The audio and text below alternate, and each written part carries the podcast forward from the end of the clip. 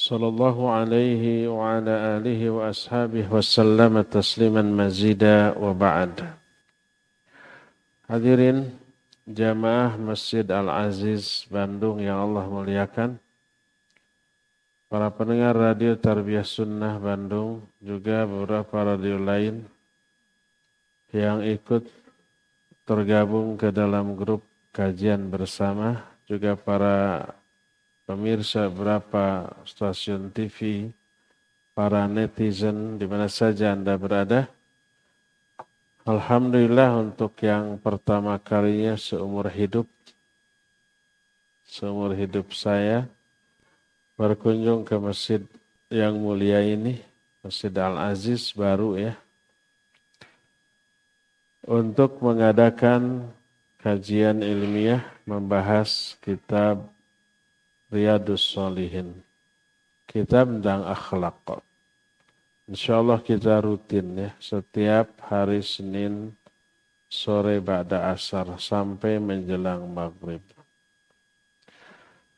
Kenapa kita membahas kitab Riyadus Solihin? Ini kitab tentang akhlak.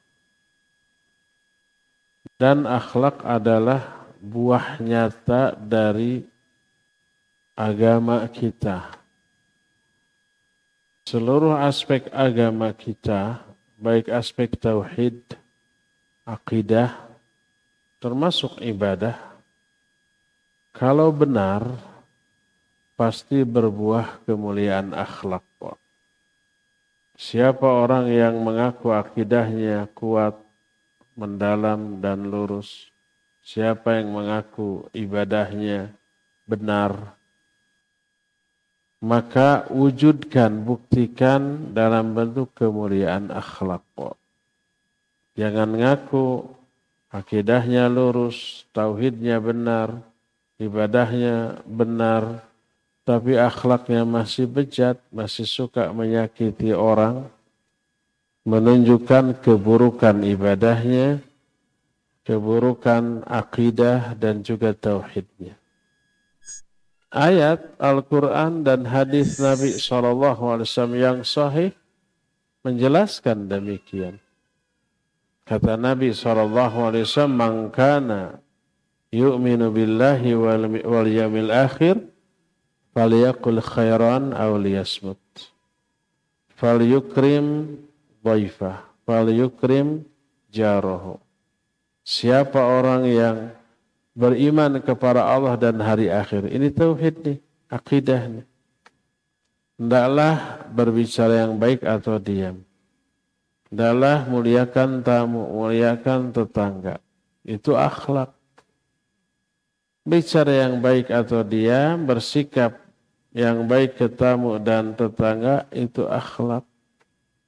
Siapa yang iman kepada Allah dan hari atau dan hari akhir, ini tauhid dan akidah wujudkan dalam bentuk kemuliaan akhlak. Ketika akhlak buruk menunjukkan iman tergerus. Akidahnya, tauhidnya dipertanyakan. Kata Nabi SAW, Wallahi la yu'minu, Wallahi la yu'minu, Wallahi la yu'minu. Demi Allah tidak beriman, demi Allah tidak beriman, demi Allah tidak beriman. Dianggap tauhid dan akidahnya rusak. Man ya Rasulullah? Siapa ya Rasulullah?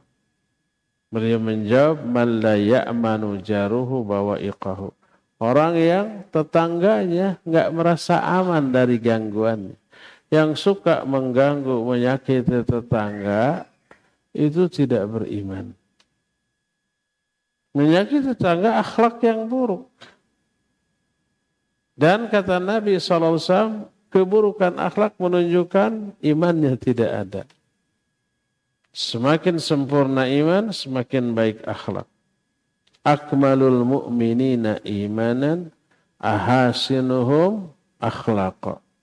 Orang mukmin yang paling sempurna imannya adalah orang mukmin yang paling mulia akhlaknya. Dan banyak lagi keterangan yang lain yang menjelaskan hubungan yang erat antara iman, akidah, tauhid dengan akhlak. Jangan abaikan akhlak. Ibadah juga begitu. Allah Azza wa Jalla berfirman, Inna salata tanha anil fahsyai wal munkar. Salat itu mencegah dari perbuatan keji dan munkar. Salat mencegah perbuatan atau akhlak yang buruk keji dan munkar itu keburukan akhlak loh.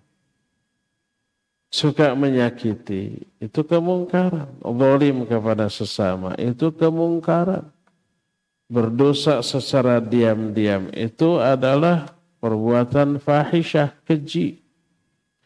Keji dan mungkar keburukan akhlak harus terhapus oleh solat bila solatnya benar. Kalau sholatnya tidak benar, terlihat dari akhlaknya masih buruk, masih keji dan mungkar. Terancam dia dengan ayat fawailul lil musallin. Alladzina hum an salatihim sahun. Wail. Celaka dia. Wail itu salah satu nama tempat di lembah di jahanam. Kata Nabi SAW, wail wadin finari jahanam. Lembah di neraka jahanam. Itu untuk orang yang sholat, tapi orangnya sahun dari sholat. Bukan di dalam sholat. An dari sholat bukan fi sholatim tapi an sholatim nanti akan terungkap penjelasan di antara Syekh Al tentang ayat itu dalam kitab Riyadhus Shalihin. Bahwa yang dimaksud dengan an sholatihim sahun orang itu lalai dari tujuan sholat yang harus dia wujudkan setelah sholat apa tujuan atau hikmah sholat tanha anil fahsya'i wal munkar sehingga kalau setelah sholat orang itu masih keji, masih munkar, masih buruk akhlaknya, terkena ancaman ayat ini. Fawailul musallin. Celaka orang yang masih buruk akhlaknya setelah dia melakukan sholat. Jadi buah dari sholat kemuliaan akhlak. Buah dari akidah, iman, tauhid, kemuliaan akhlak. Saum malam yada qawla zur wal amala bihi wal jahal falaysa lillahi haja bi ayyada at'amah wa syarabah. Siapa orang yang selama saum tidak dibarengi dengan meninggalkan ucapan perbuatan yang sia-sia, yang madarat, yang uh, buruk, Allah nggak butuh kepada saum. Ditolak saum yang tidak melahirkan kemuliaan akhlak. Jadi kita lihat akhlak ini buah dari ajaran agama ini. Akhlaknya baik, indikator bagi kebaikan akidahnya, imannya, tauhidnya, ibadahnya, sholatnya, saumnya, zakatnya, hajinya, umrohnya, semuanya. Itunya baik, bagus, pasti membuahkan kemuliaan akhlak. Karena itulah tak heran Nabi SAW diutus oleh Allah untuk menyempurnakan akhlak manusia. Beliau bersabda, Innama bu'ithu liutammima makarimal akhlak. Hadis itu riwayat Imam Malik dalam kitab Al-Muwatta. Dalam riwayat lain, innama bu'ithu liutammima mahasinal akhlaq. Aku hanyalah diutus untuk menyempurnakan akhlak manusia dengan cara diluruskan tauhidnya, dibenarkan akidahnya, dibebenah imannya, diperbagus ibadahnya. Nah, itu membuahkan akhlak yang mulia. Saking pentingnya akhlak sampai Nabi SAW berdoa kepada Allah agar dijauhkan dari keburukan akhlak. Salah satu doa antum bagus hafalkan doa ini. Adalah Allahumma inni a'udzubika min munkaratil akhlak wal ahwa wal a'mal wal adwa. Ya Allah aku berlindung kepada engkau dari kemungkaran akhlak. Dan beliau juga meminta hidayah agar ditunjukkan kepada akhlak yang mulia padahal beliau sudah memiliki kemuliaan akhlak. Saking mulianya akhlak beliau oleh Allah dipuji. Wa innaka la'ala khuluqin azim. Engkau hai Muhammad berada di dalam akhlak yang sangat agung. Pujian Allah kepada Nabi sallallahu alaihi wasallam. Tapi sekalipun demikian beliau berdoa, Allahumma hdini li ahsanil akhlaq. La yahdini li ahsaniha illa ant. Wasrif anni sayyaha. La yasrifu anni sayyaha illa ant. Ya Allah, beri hidayah kepadaku. Hidayah untuk apa? Untuk meraih kemuliaan akhlak. Karena tidak ada yang bisa beri hidayah kepadaku untuk meraih kemuliaan akhlak kecuali engkau wasrif anni sayyaha dan palingkan aku dari keburukan akhlak. Karena tidak ada yang bisa memalingkan aku dari keburukan akhlak kecuali engkau. Kalau Nabi saja berdoa begitu, apalagi kita. Jangan difahami. Kalau Nabi meminta kemuliaan akhlak, oh berarti akhlak beliau masih buruk. Tidak. Itu pikiran orang yang dangkal otaknya.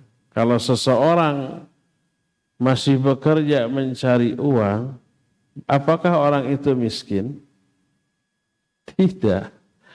Orang kaya direktur yang uangnya miliaran, triliunan gitu ya. Gajinya umpamanya miliaran sebulan. Apa berhenti dari mencari uang? Tidak. Mereka tetap mencari uang. Kalau mencari uang, padahal sudah kaya tuh.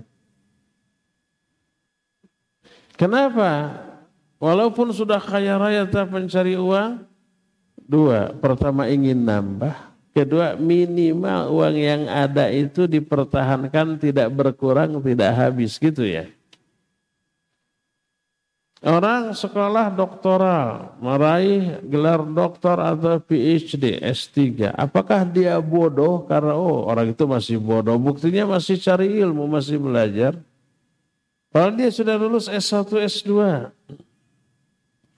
Apakah kalau masih belajar S3 dia bodoh? Bukti kebodohannya dia masih belajar? Enggak, dia pintar. Kenapa masih belajar? minimal ilmu yang ada dipertahankan, maksimalnya ditambah. Masuk akal? Masuk akal. Kenapa Nabi SAW minta, Ya Allah tunjukkan aku kepada kemuliaan akhlak.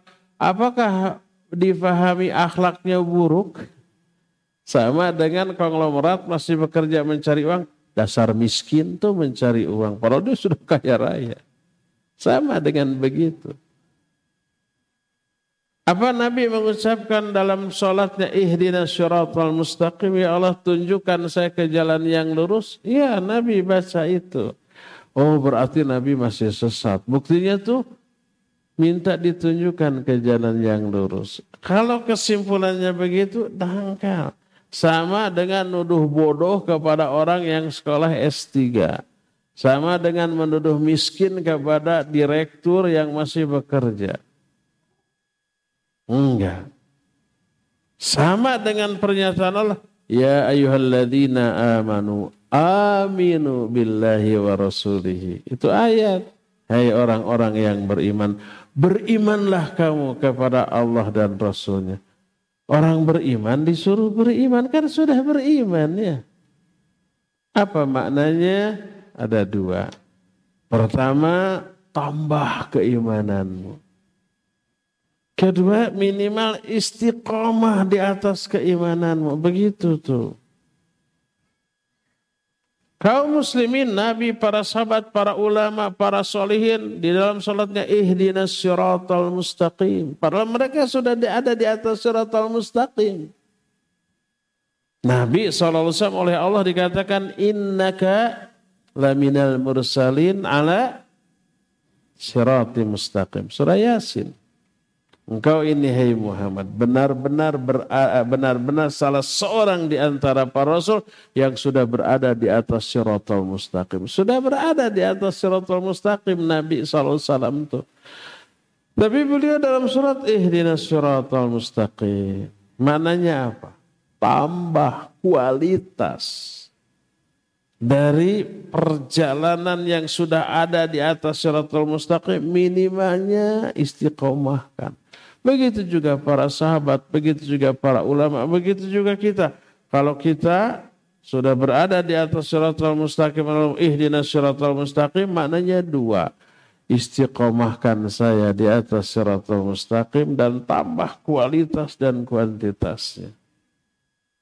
Sebab banyak orang yang sudah berada di atas syaratul mustaqim belot mengambil jalan yang menyimpang. Ada yang begitu? Ada. Ada yang murtad, ada yang futur, ada yang berubah pola fikirnya karena terpengaruh oleh ini dan itu, oleh guru yang keliru, oleh kawan bergaul yang salah, terpengaruh agama, agama al-mar'u ala dini khalili. Falyandur ahadukum khalil. Salah pilih kawan, asalnya dia di atas syaratul mustaqim ke bawah. Salah milih guru apalagi guru. Al ilmu dinun fal uh, fandur min aina akhadtum dinakum. Ilmu ini agama.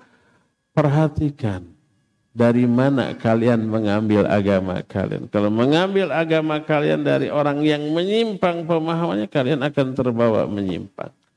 Jadi gogoda, godaan, untuk menyimpang dari syaratul mustaqim banyak.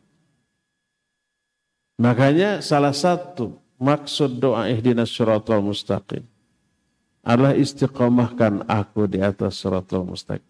Kalau orang itu sudah ada di atas syaratul mustaqim. Kalau kita berdoa Allahumma hdini li ahsanil akhlak. Itu doa Nabi alaihissalam. Ya Allah tunjuki aku kepada kemuliaan akhlak. Bukan berarti akhlak beliau masih jelek, buruk, bukan. Beliau paling mulia akhlaknya. Tapi kenapa masih berdoa? Minimal tambah mulia akhlaknya, eh maksimal tambah mulia akhlaknya.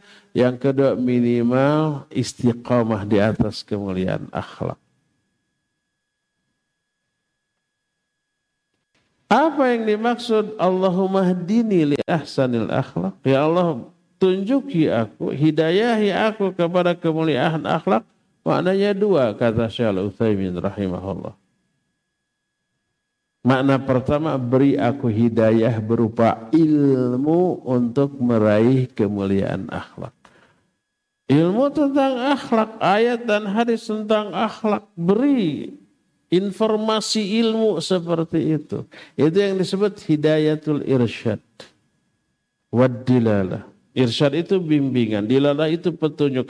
Berikan aku ilmu tentang akhlak yang mulia. Yang kedua, beri hidayah taufik.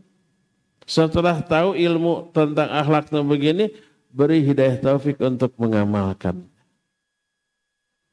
Inilah yang kita akan lakukan mencoba mencari hidayah berupa ilmu tentang kemuliaan akhlak. Saking pentingnya akhlak, para ulama banyak menyusun kitab-kitab spesial tentang akhlak. Karena itulah maka lahir kitab-kitab akhlak yang luar biasa. Salah satu di antara kitab akhlak adalah kitab Riyadus Salihin yang disusun oleh Imam An-Nawawi rahimahullahu taala. Ya.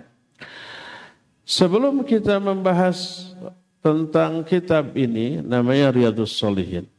Nanti kita akan bahas apa arti Riyadus Solihin dan kenapa dinamai demikian.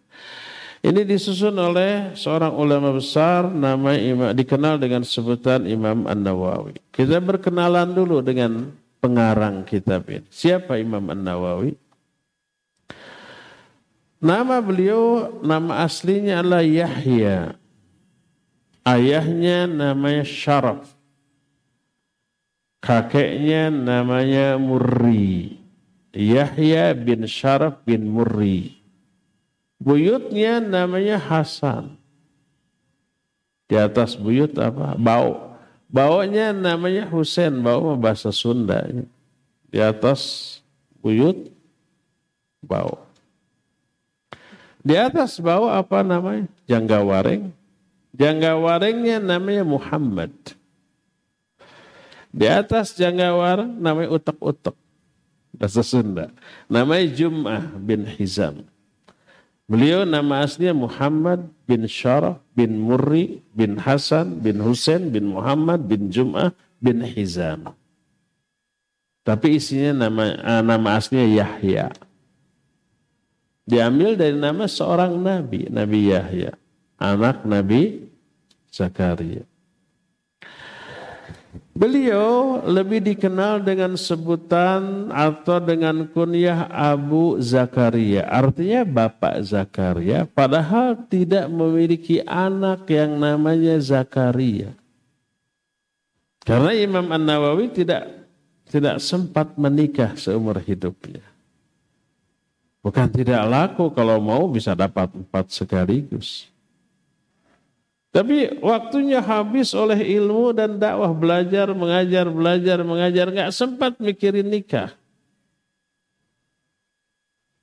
Sekalipun demikian beliau diberi kunyah dengan sebutan Abu Zakaria. Dan ini sunnah menamai orang dengan sebutan atau kunyah dinisbatkan kepada nama anak walaupun belum punya anak. Seperti uh, Imam An-Nawawi Abu Zakaria. Aisyah radhiyallahu anha disebut Ummu Abdullah. Padahal nggak punya anak yang namanya Abdullah. Aisyah tidak punya anak. Jadi nama kunyah dari Yahya bin Syaraf ini Abu Zakaria. Dan diberi lakab, gelar, sebutan oleh orang-orang dengan sebutan Muhyiddin. Artinya penghidup agama. Orang yang menghidupkan agamanya.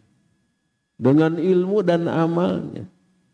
Beliau mempelajari agama, diaplikasikan sehingga agama ini hidup dalam perilakunya dan diajarkan, disebarkan. Orang-orang menggelari beliau dengan sebutan Muhyiddin. Padahal beliau sendiri tidak suka diberi gelar itu. Karena ketawaduannya. Kalau kita kan bangga ya. Imam para ulama tidak. Beliau menyatakan la aj'alu fi hilli man laqabani muhiddin. Aku tidak membolehkan seorang pun menggelari aku dengan sebutan muhiddin. Karena ketawaduan merasa nggak pantas Padahal orang lain semuanya menilai pantas. Itulah para ulama. Sangat humble, sangat rendah hati, sangat ingin tidak dikenal oleh banyak orang, tidak ingin sanjungan, tidak ingin penghargaan. Syekh Al-Albani rahimahullah, saya dengar ini dari salah seorang muridnya, Syekh Ali Hasan rahimahullah. Itu pernah ada seorang muridnya mengarang sebuah kitab hadis, salah satunya menukil gurunya Syekh Al-Albani rahimahullah. Dalam kitabnya itu beliau begitu qala Syekhuna Al-Allamah Al-Hafidh Muhammad Nasir Al-Albani. Tulis begitu. Setelah selesai, beliau meminta ke gurunya Syekh Al-Albani untuk memurojaah. Kalau-kalau ada salah. Gitu. Dibaca oleh Syekh Al-Albani. Ketika menemukan nukilan itu, kutipan Qala Syekhuna Al-Allamah Al-Hafid. Pakai gelar Al-Hafid. Beliau menyuruh hapus gelar Al-Hafid Al-Alam. Saya tidak layak. Seperti itu tawaduknya para ulama.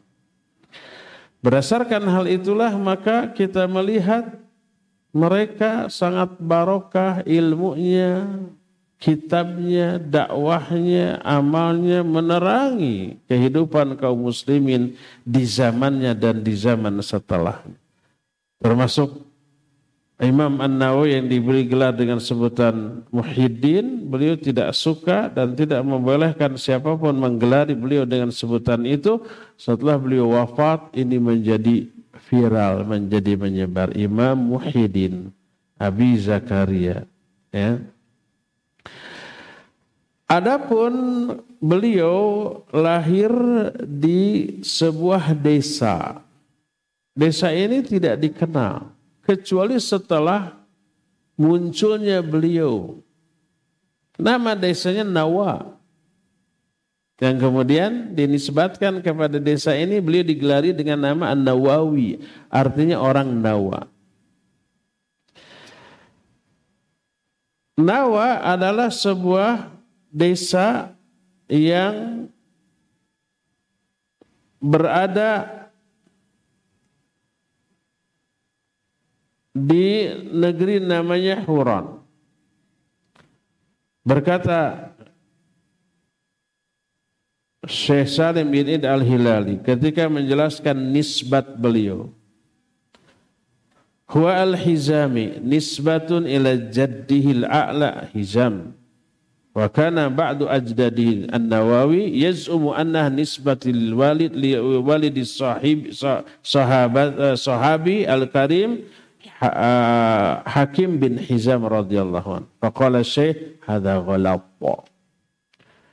Beliau disebut dengan sebutan Al-Hizami, nisbat kepada kakeknya yang paling jauh tadi nama utak-utaknya Jum'ah setelah utak-utak saya nggak tahu namanya Hizam.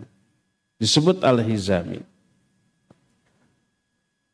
Sebagian orang menyangka nisbat kepada seorang sahabat bapak bagi sahabat namanya Hakim bin Hizam radhiyallahu Padahal bukan. Beliau mengatakan ini salah. Jadi karena lahir di, di, di sebuah tempatnya namanya Nawa, beliau dikenal dengan sebutan Nawawi. Dari aspek fikih beliau bermadhab syafi'i dan tinggal di Damaskus wa nawawi maulidan wa syafi'i madhaban wa dimashqi iqamatan. Beliau lahir di Nawa maka disebut An-Nawawi, madhabnya Syafi'i dan tinggal di Damaskus. Kapan beliau lahir? Beliau lahir di pertengahan bulan Muharram. Tanggalnya tidak dipastikan. Menurut pendapat lain lahir di bulan Muharram tanggal awal-awal 10 hari pertama di bulan Muharram. Menurut pendapat lain pertengahan bulan Muharram. Tapi tahunnya semuanya sepakat. Beliau lahir tahun 631 di Nawa di negeri Huron termasuk salah satu negeri Damaskus ketika itu. Ketika beliau lahir, beliau langsung dibimbing, dididik, dibina oleh ayahnya. Sejak kecil sudah disiplinkan, didisiplinkan untuk belajar ilmu. Beliau sudah hafal Quran sebelum beliau balik. Dan ketika di desanya yang namanya Nawa sudah tidak ada lagi orang yang bisa memberi tambahan ilmu kepada beliau. Beliau pergi beserta bapaknya ke Damaskus di tahun 649. Beliau lahirkan 631. Tahun 49 masih tahun 600-an berarti sekitar 18 tahun pergi Lalu belajar di beberapa guru di negeri-negeri yang beliau lalui. Maka tidak heran pada waktu beliau remaja sudah hafal banyak isi kitab. Selain Al-Quran. Al-Quran sebelum balik sudah hafal. Beliau menghafalkan At-Tanbih fi Furu'i Syafi'iyah. Susunan Abu Ishaq As-Sayrazi hanya dalam waktu empat setengah bulan saja. Kemudian beliau pun banyak belajar ilmu-ilmu yang lain sampai-sampai beliau dalam sehari semalam menghabiskan waktu 12 jam untuk belajar ilmu.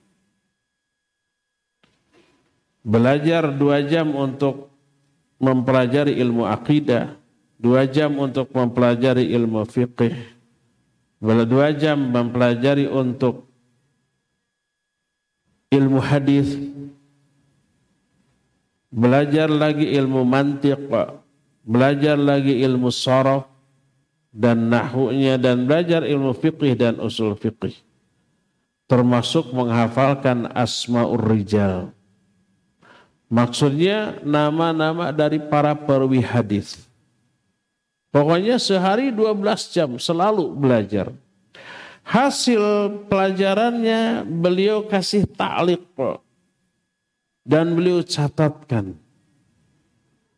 Sehingga tidak heran ketika di rumahnya beliau mengumpulkan semua catatan itu dan lahirlah banyak kitab yang beliau tuliskan dari berbagai macam disiplin ilmu. Beliau memiliki banyak guru dalam seluruh ulum syariah. Umpamanya dalam masalah fikih dan usul fikih, beliau belajar kepada Ishaq bin Ahmad bin Uthman al-Maghribi. Belajar juga kepada Abdurrahman bin Nuh bin Muhammad al-Maqdisi. Beliau juga belajar kepada Salar bin Hasan al-Irbali. Dan banyak lagi yang apabila saya sebutkan antum nggak kenal juga ya. Saha ya teh kenal. Iya. Dalam masalah hadis begitu juga gurunya sampai ratusan. Setelah mempelajari banyak cabang ilmu dan dipuji oleh guru-gurunya, diberi tazkiyah, kamu ngajar. Setelah memperoleh tazkiyah, rekomendasi dan perintah dari gurunya barulah beliau pun mengajar. Dari hasil pelajar mengajarnya ini lahir murid-murid yang juga kelak menjadi ulama besar. Di antara murid-murid beliau yang kemudian menjadi ulama adalah Sulaiman bin Hilal al-Ja'fari. Juga Ahmad ibnu Farah al-Ishbaili, Muhammad bin Ibrahim bin Sa'ad, dan seterusnya. Itu banyak. Yang apabila saya sebut juga antum tidak kenal. Intinya gurunya banyak, muridnya banyak. Imam An-Nawawi bukan ulama kaleng-kaleng. Mungkin besi-besi. Gurunya banyak, muridnya juga banyak. Dan yang penting pengakuan dari para ulama. Setelahnya bukan hanya ilmu tapi juga ibadah dan akhlaknya. Berkata para ulama ketika menerangkan tentang akhlak Imam An-Nawawi ittafaqa ahlul ilmi alladzina tarajjamu lahu annahu imamun fi zuhud wa qudwatan fil wara wa ayatun fil amri bil ma'ruf wan nahyi anil munkar wan nushi lil hukam. Semua ahli ilmu yang menyusun biografi beliau sepakat bahwa beliau adalah seorang imam dalam masalah zuhud uswah, kudwah, contoh ikutan dalam masalah warok dan tauladan dalam masalah amar ma'ruf nahi munkar dan termasuk sangat berani memberikan nasihat kepada para penguasa yang menyimpang. Inilah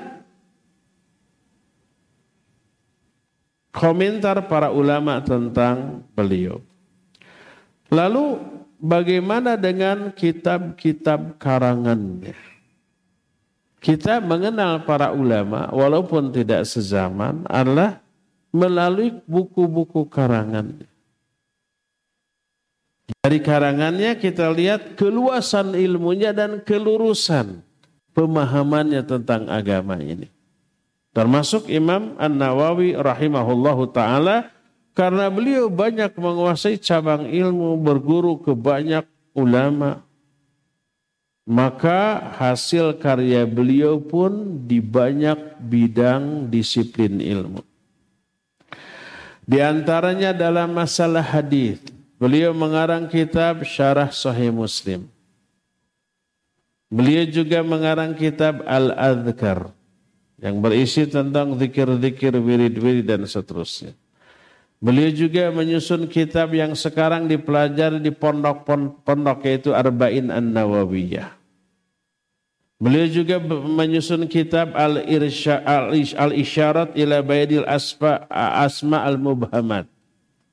Beliau juga menyusun kitab At-Taqrib. Beliau juga menyusun Irsyadu Tullab Al-Haqa'iq ila Ma'rifati Sunan Khairil Khalaiq. Itu masalah hadis juga.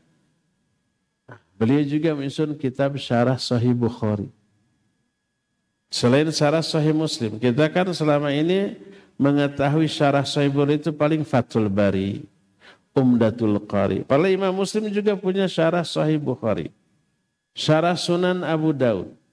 Termasuk kitab Riyadus Salihin min kalami Sayyidil Mursalin yang kita akan bahas ini dikategorikan sebagai kitab hadis yang berisi akhlak dan banyak lagi yang lainnya. Di bidang fikih beliau juga ahli fikih dan kitabnya menjadi rujukan. Salah satu kitab fikih yang fenomenal dijadikan rujukan pasti dikenal oleh para ustadz, para santri namanya Raudatul Talibin wa Umdatul Muttaqin. Muftin Kemudian ada lagi Al-Majmu' Syarah Al-Muhadzab. Ini sebuah karya yang sangat fenomenal. Ya. Dan banyak lagi yang lain-lainnya. Adapun dalam masalah akidah. Sebagian ulama mempermasalahkan akidah Imam An-Nawawi. Kenapa? Karena beliau mutaathir bi aqidatil asyairah. Terpengaruh oleh pemikiran atau akidah asyairah. Dan ini terlihat ketika dalam kitab Syarah Sahih Muslim umpamanya ada takwil terhadap beberapa hadis sifat. Kenapa demikian? Karena ada beberapa sebab. Walaupun terpengaruh oleh asyairah, Para ulama tetap menjadikan beliau menjadi rujukan. Berkata Syekh Salim bin Id al-Hilali ketika menerangkan kenapa beliau terpengaruh oleh oleh Asy'ariyah. Kata beliau, "Walidzalika asbabun katsirah." Tentang hal itu ada beberapa sebab, ada banyak sebab. Di antaranya Ta'athara bima naqalahu anil qadi iyad wal ma wal mazuri wal, wal mazri wal mazari wa ghairihum miman syara sahih muslim qablahu wa kanu min asyair. Pertama beliau terpengaruh oleh kutipan-kutipan yang beliau kutip dari Al-Qadi Iyad dan yang lain-lainnya ketika mensyarah sahih muslim.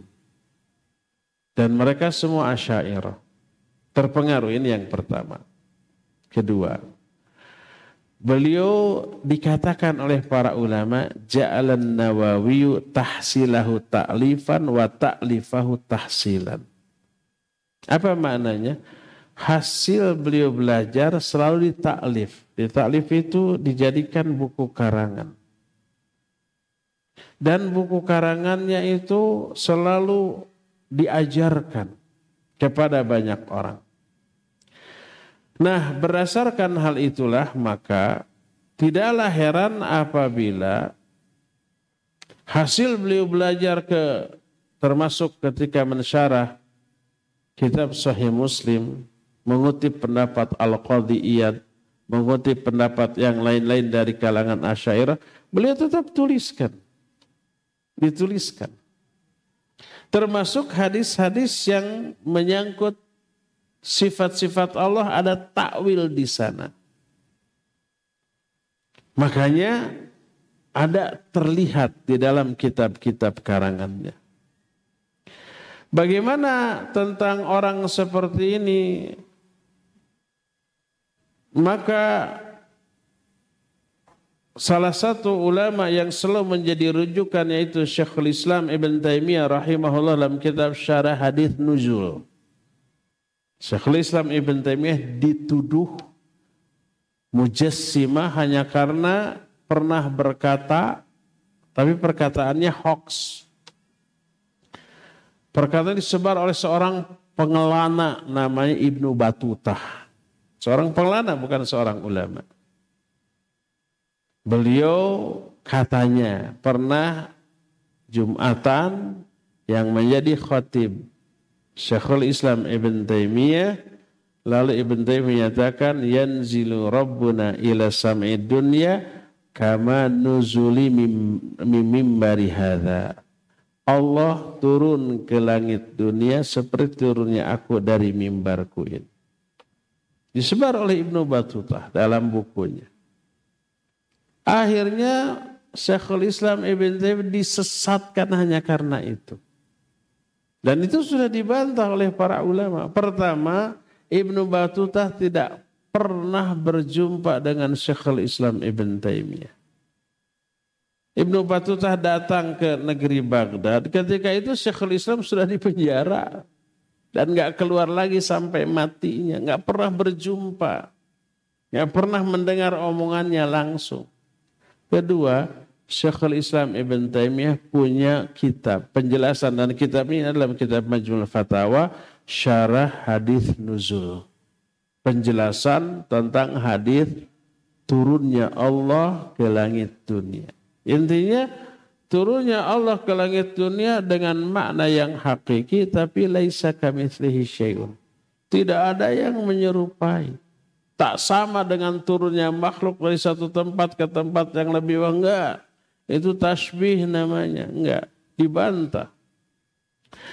Nah di dalam kitab syarah hadis hadis nuzul berkata Syekhul Islam wa qalla ta'ifatu minal mutaakhirin illa waqa'a fi kalamiha nau'u ghallat likathrati ma waqa ma waqa min min syubahi ahli bid'ah walihada yujad fi kathiri minal musannafat fi usul fiqh wa usul din wal fiqh wal zuhad wal tafsir wal hadith may yudhkaru may yadhkuru fil asli al azim iddat aqwal kata beliau. Sedikit sekali kelompok mutaakhirin. Maksudnya ulama-ulama mutaakhirin di zaman Ibn Taimiyah kecuali mereka itu terjerumus ke dalam kesalahan karena banyaknya terpengaruh oleh syubhat ahlul bid'ah. Oleh karena itu, kita temukan banyak dalam ketra, dalam karangan-karangan kitab usul fikih, usuluddin, fikih, zuhud, tafsir, hadis, orang yang menukil beberapa pendapat yang banyak tentang satu perkara, dinukil. Itu banyak. Dan itu termasuk perkara yang terjadi, teralami juga oleh para ulama. Dan ini menunjukkan wajibnya kita wanti-wanti untuk berguru kepada orang yang masyuk akidahnya. Masyuk itu diragukan dikenal sebagai doa ulama Syekh Salafin ternyata ada mulahadat, ada beberapa catatan-catatan penyimpangan. Penyimpangan ini hanya diketahui oleh para ulama. Orang awam nggak tahu. Termasuk di zaman kita sekarang, si fulan saya ini salafi. Kata orang awam, tapi kata orang yang berilmu enggak, ada penyimpangan nih. Tapi sudah kadung terkenal sebagai ustadz mubalik dai syekh sunnah karena banyaknya mendakwahkan tauhid yang benar. Tapi dalam aspek lainnya ada banyak mulahadat. Akhirnya terfitnahlah orang-orang awam tergiring kepada penyimpangan tanpa mereka ketahui, tanpa mereka sadar. Ini bahayanya kita salah belajar. Berdasarkan hal itulah maka pengaruh asyairah pada diri Imam An-Nawawi rahimahullahu taala tidak dianggap sebagai penyimpangan yang sangat fatal Karena hanya dalam beberapa aspek takwil terhadap hadis-hadis sifat, ya. Kemudian itu pun hanya menukil beberapa guru-gurunya tentang masalah itu. Karena itulah maka keilmuan beliau masih tetap diakui dan dijadikan rujukan dalam masalah fikih, dalam masalah hadis. Adapun dalam masalah asma wa sifat, para ulama lebih menganjurkan untuk melihat penjelasan ulama-ulama yang lain. Ada banyak buku-buku biografi para ulama yang ditulis oleh para ulama ahli sejarah. Kalau ulama itu dikenal karena keilmuan dan kiprahnya, pasti jadi pusat perhatian dan biografinya pun ditulis. Termasuk Imam An-Nawawi rahimahullah. Ada khusus kitab yang membahas biografi Imam An-Nawawi. Saking istimewanya beliau. Di antaranya. Ada buku atau kitab berjulun, berjudul Tuhfatul Talibin fi Tarjamatil Imam Muhyiddin. Susunan Imam Ibn Attar. Ada lagi Al-Minhal Adab Ar-Rawi fi Tarjamatil Imam Nawawi. Susunan Muhammad bin Abdurrahman As-Sakhawi. Ada lagi Al-Minhajus Sawi fi Tarjamatil Imam An-Nawawi. Susunan Imam Jalaluddin As-Suyuti. Dan banyak lagi. Khusus biografi Imam An-Nawawi rahimahullah. Dan ada lagi kitab yang memuat biografi para ulama terkemuka dan di dalamnya ada biografi Imam An-Nawawi. Di antaranya kitab Al-Bidayah wan Nihayah, susunan Imam Ibnu Katsir, kitab yang paling banyak jilidnya ya. Banyak jilidnya. Demikian juga Tadkiratul Huffaz susunan Imam Az-Zahabi. Di sana ada biografi Imam An-Nawawi. Termasuk Ad-Daris fi Tarikhil Mudarris itu juga ada memuat biografi Imam An-Nawawi dan banyak lagi ulama-ulama lain yang menyusun biografi Imam An-Nawawi. Itulah mengenal biografi Imam An-Nawawi serta kitab karangannya serta pujian para ulama tentang beliau ya tak kenal maka tak sayang. Setelah kita mengenal siapa beliau, kita menaruh kepercayaan yang sangat tinggi kepada keilmuan beliau dan kesungguh-sungguhan beliau di dalam belajar dan mengajarkan serta eh, mendakwahkan ilmunya, maka kita tidak ragu lagi untuk mempelajari kitab beliau apa pun termasuk Riyadus Shalihin ini. Dan saya termasuk orang yang sangat suka menelaah kitab fikih beliau namanya Al-Majmu' Syarah Al-Muhadzab. Begitu detil, rinci dan luas pembahasannya. Itulah Imam An-Nawawi. Sekarang kita fokus ke kitab. Kitab yang kita akan bahas namanya Kitab Riyadus Solihin.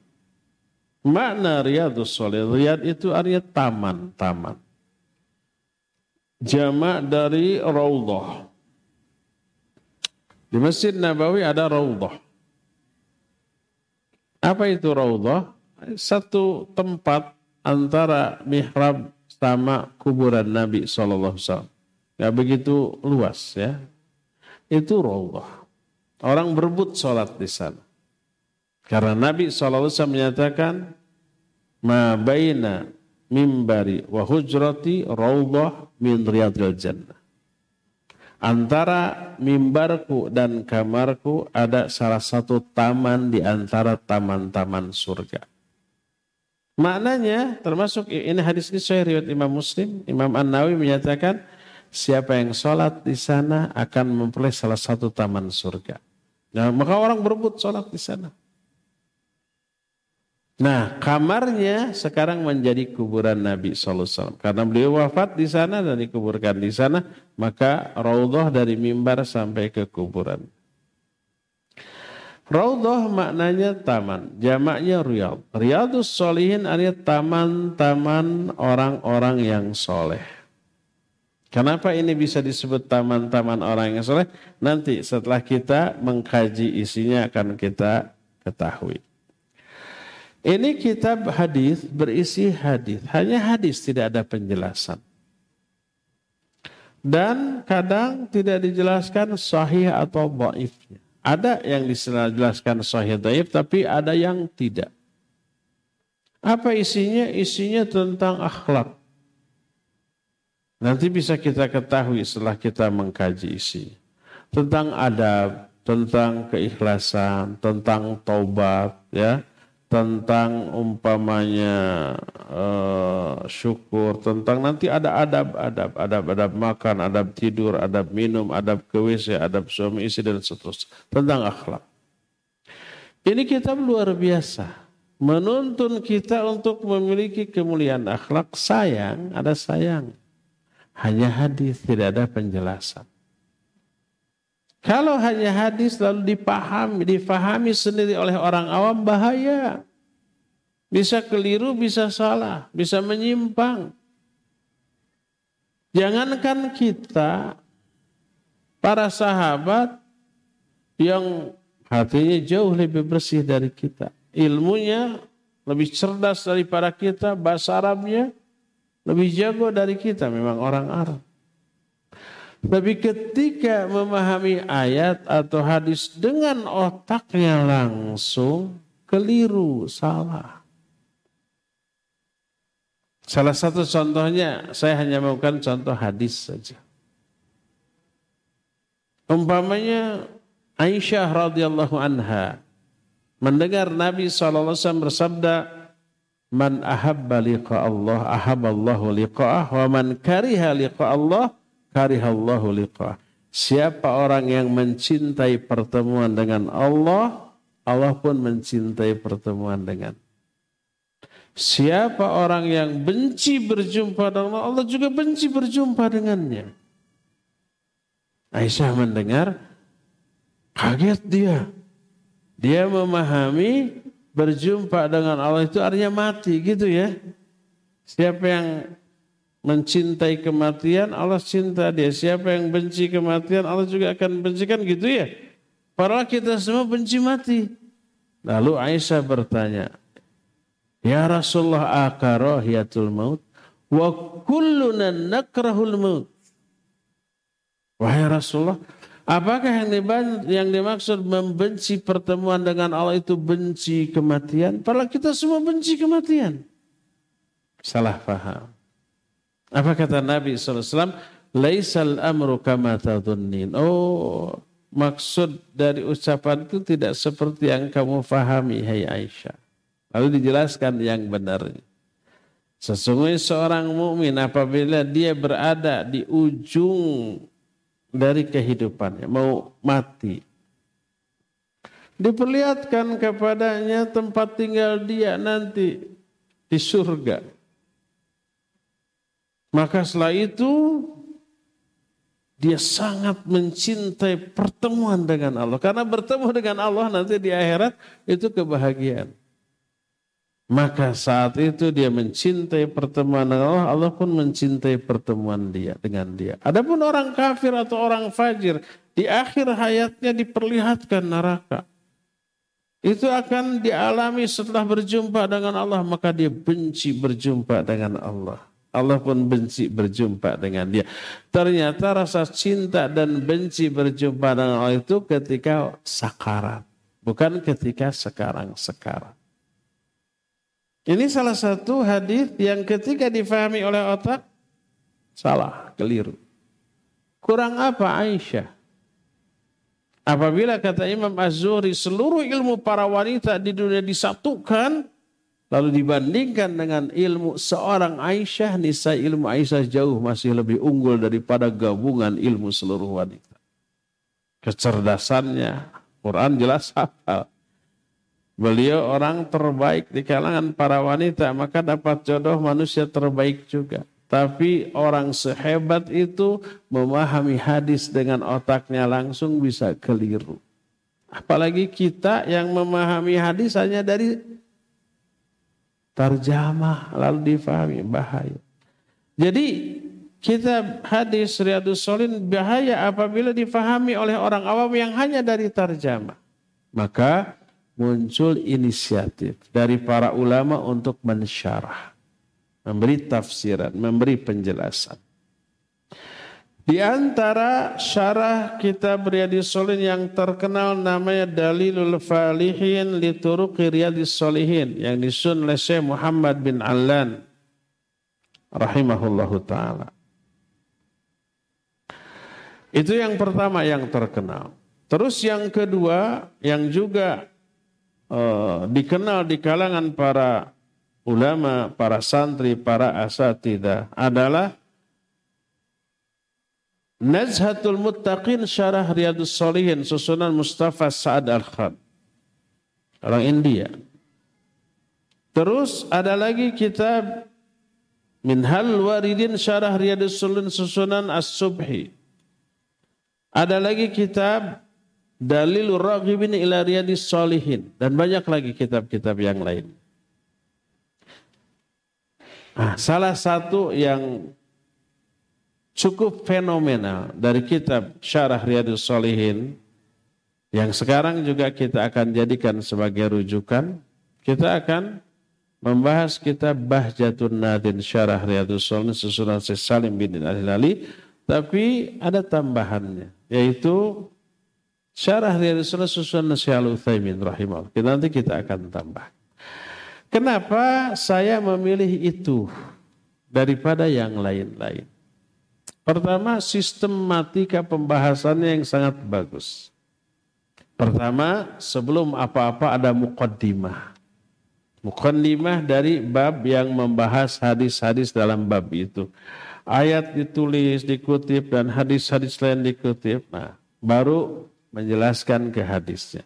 Ketika menjelaskan hadis pertama dipastikan status kevalidan dari hadis itu sahih atau tidak. Ataukah daif? Kalau daif, kenapa daif? Terus yang terpenting Imam An-Nawawi tahu nggak bahwa itu daif? Pasti tahu. Beliau bergelar, bergelar Al-Hafidh di bidang hadis. Lebih tahu.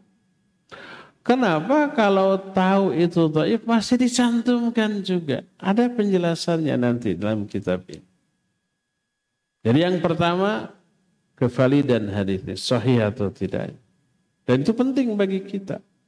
Sementara banyak doa, banyak ustadz, da'i, mubalik, tidak peduli kepada sahih tidaknya sebuah hadis yang penting bahasa Arab. Kadang-kadang hanya peribahasa disebut hadis, kadang hadis palsu. Berkata Nabi SAW, hubbul waton minal iman. Ada yang begitu? Itu bukan hadis. Utlubul ilma walau bisin, carilah ilmu walaupun ke negeri Cina. Utlubul ilma minal mahdi ilallah. Tuntutlah ilmu dari mulai buayan sampai masuk luang lubang lahat. Terserah isinya benar atau tidak, bagus atau tidak. Tapi jangan diaku-aku itu hadis Nabi Sallallahu Alaihi Wasallam. Terkena dengan hadis Man kadzdzaba alayya muta'ammidan falyatabawa maq'adahu minal. Siapa yang berdusta atas namaku, siap-siap untuk menempati tempat duduk dalam neraka. Ancamannya keras. Maka antum hati-hati kalau men-share hadis. Jangan sampai hadis palsu disebar. Siapa yang memberitahukan kedatangan bulan Rajab maka akan begini-begini hadis sahih. Para palsu itu. Kita share terancam dengan hadis tadi. Siapa yang berdusta atas namaku dengan sengaja siap-siap untuk menempati tempat duduk dalam neraka. Nah, doa lain ustaz lain nggak perlu dengan hadis, hadis palsu dikemukakan, bahkan bahasa peribahasa bahasa Arab diaku sebagai hadis yang paling konyol dia ngarang cerita fiktif lalu dijadikan sebagai bagian dari agama ini. Sekedar untuk memancing orang tertawa. Lawakannya laku. Dan dianggap bagian dari agama ini. Ada kan yang begitu? Banyak. Nah jadi salah satu yang membuat kita tertarik membahas kitab ini pertama setiap hadisnya itu diperiksa sahih tidak. Kalau dhaif kenapa? Alasan kedaifat. Kalau dhaif kenapa Imam An-Nawawi masih membawakan hadis ini?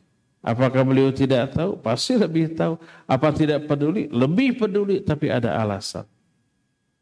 Kedua, setelah dipastikan sahih tidaknya hadis ini, diterangkan beberapa mufrodat yang perlu. Mufrodat itu kosakata yang mungkin jarang gitu atau samar maknanya atau bisa disalahpahami diterangkan maknanya terlebih dahulu.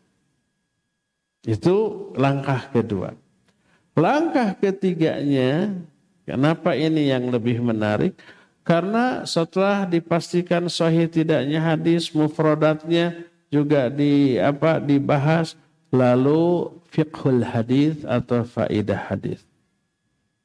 Faidah apa yang bisa diambil dari hadis diterangkan. Nah, yang keempatnya kalau ini menyangkut hadis yang dibahas oleh hadis ini adalah masalah fikih, masalah fikih ini, maka dijelaskan ikhtilaf para ulama dalam masalah ini. Terutama empat madhab itu. Imam Abu Hanifah berpendapat begini, Imam Malik begitu, Imam Syafi'i lain, lain lagi, Imam Ahmad begini. Dijelaskan beserta alasannya lalu diterangkan menurut saya yang lebih kuat ini. Kenapa dipilih ini? Ini alasan. Nah ini ini sistematika yang sangat bagus. Tidak menggiring orang untuk ta'asub fanatik tanpa tahu alasan. Tapi semuanya dijelaskan secara ilmiah. Kalau toh harus bersikap memegang satu pendapat ada alasan dan tetap ihtiram kepada pendapat lain yang kita tidak terima. Ya, yang tidak kita ambil. Inilah yang menyebabkan saya lebih memilih kitab ini untuk membahas Riyadus Solihin ini. Nanti ada beberapa tambahan yang sangat perlu dari penjelasan Syekh Utsaimin yang tidak dijelaskan di sini ya. Itulah ikhwan perkenalan kita dengan Imam An-Nawawi dan kitab Riyadus Solihin yang kita akan bahas ini. Sekarang ini cukup sampai di sini saja dulu ya. Insya Allah Senin depan kita akan masuk kepada pembahasan kitab ini. Kita masih punya sisa waktu untuk bertanya jawab apabila ada pertanyaan, dipersilakan. Untuk ikhwan yang akan ngacung langsung bisa nanti dikasih mic atau yang mau nulis juga boleh. Untuk ahwat silakan tulis nanti dikirim ke sini ya. Ada yang mau ngacung dulu sebelum tulisan? Pertanyaan pertama. Mohon pencerahan Ustaz. Bila mana seseorang kelihatan soleh, rajin ibadah, baik yang wajib ataupun yang sunnah, namun masih berbuat maksiat, adab dan akhlaknya kurang baik. Titik aja di sana. Jadi pertanyaannya apa? Laporan gitu ya. Mungkin bagaimana tentang orang seperti ini? Taib, barakallahu fiqh. Tadi sudah dijelaskan. Ibadah yang benar pasti membuahkan hasil. Hasilnya apa? Tanha anil fahsyai wal munkar. Dia akan tercegah dari perbuatan keji dan mungkar. Kalau dia sudah ibadah rajin ibadahnya, tapi akhlaknya buruk, masih menyakiti, menyinggung orang, itu indikator bahwa ibadahnya itu ditolak oleh Allah Azza. Ada seorang yang bertanya, ya Rasulullah, ada seorang wanita fulana, dia rajin, sholatnya rajin, saumnya, tapi rajin juga menyakiti tetangganya. Apa kata Nabi SAW? Hiya finnar. Dia berada dalam neraka. Dan bagaimana dengan ibadahnya yang rajin sholatnya, saumnya? Ditolak. Kenapa? Karena membuahkan dosa dan kemaksiatan, menyakiti orang. Kalau ibadahnya diterima, harusnya itu tercegah. Berkata Imam Ibn Rajab Al-Hambali rahimahullahu ta'ala. Man amila hasana thumma atba'ah bisay'ah fadhalika alamatu raddil hasanah wa adamu qabuliha. Siapa orang yang melakukan ibadah kebaikan. Lalu setelah itu dia melakukan keburukan atau dosa. Maka dosa itu menjadi tanda kebaikan dia itu, ibadah dia itu ditolak dan tidak diterima. Lianna Allah idza taqabbala amala 'abdin waffaqahu lil a'mali shalihah ba'dah. Karena Allah apabila menerima amalan seorang hamba, Allah akan memberi taufik kepada hamba itu untuk melakukan amal-amal soleh berikutnya. Bukan amal dosa, bukan keburukan, bukan kezoliman. Jadi sebagai tanda orang itu diterima ibadahnya, Allah kasih hadiah yang kontan. Apa hadiah kontannya itu diberi hidayah untuk melakukan ibadah-ibadah kebaikan setelahnya. Tapi kalau ibadah orang itu asal-asalan, mungkin tidak ikhlas, mungkin tidak mutaba'ah, atau ikhlas mutaba'ah tapi tidak sungguh-sungguh ala kadarnya. Lalu ditolak oleh Allah, sebagai tanda ditolaknya ibadah orang itu oleh Allah dicabut hidayah. Dicampakkan keinginan untuk berdosa dan maksiat sebagai hukuman bagi orang itu. Akhirnya setelah dia beribadah melakukan dosa dan maksiat. Itu tanda ibadah tadi ditolak oleh Allah Subhanahu wa taala. Berdasarkan hal itu, kasus yang ditanyakan rajin ibadah, wajib atau sunnah, tapi masih berbuat maksiat dan adab akhlaknya juga nggak bagus menyakiti banyak orang, ini indikasi. Maksiat dan keburukan akhlaknya indikasi ditolaknya ibadah tersebut. Karena Allah menyatakan inna salata tanha anil fahsya'i wal munkar. Salat bisa mencegah dari keburukan akhlak. Perbuatan keji dan munkar, dosa, dosa dan harusnya terkurangi bahkan terhapus oleh salat. Ya, Allahu a'lam bisawab. Ada lagi? Kalau ada yang mengacung silakan. Kalau tidak ada, saya lebih senang. Kita akan tutup saja dan sisa waktu yang ada anak hadiahkan untuk antum semua untuk nunggu di sini atau untuk pulang atau terserahlah untuk shopping boleh, untuk makan-makan boleh di restoran yang antum sukai. Kajian sekarang cukup sampai di sini saja. Subhanakallahu bihamdik asyhadu an la ilaha illa anta astaghfiruka wa atubu ilaik. Walhamdulillahi rabbil alamin. Wassalamualaikum warahmatullahi wabarakatuh.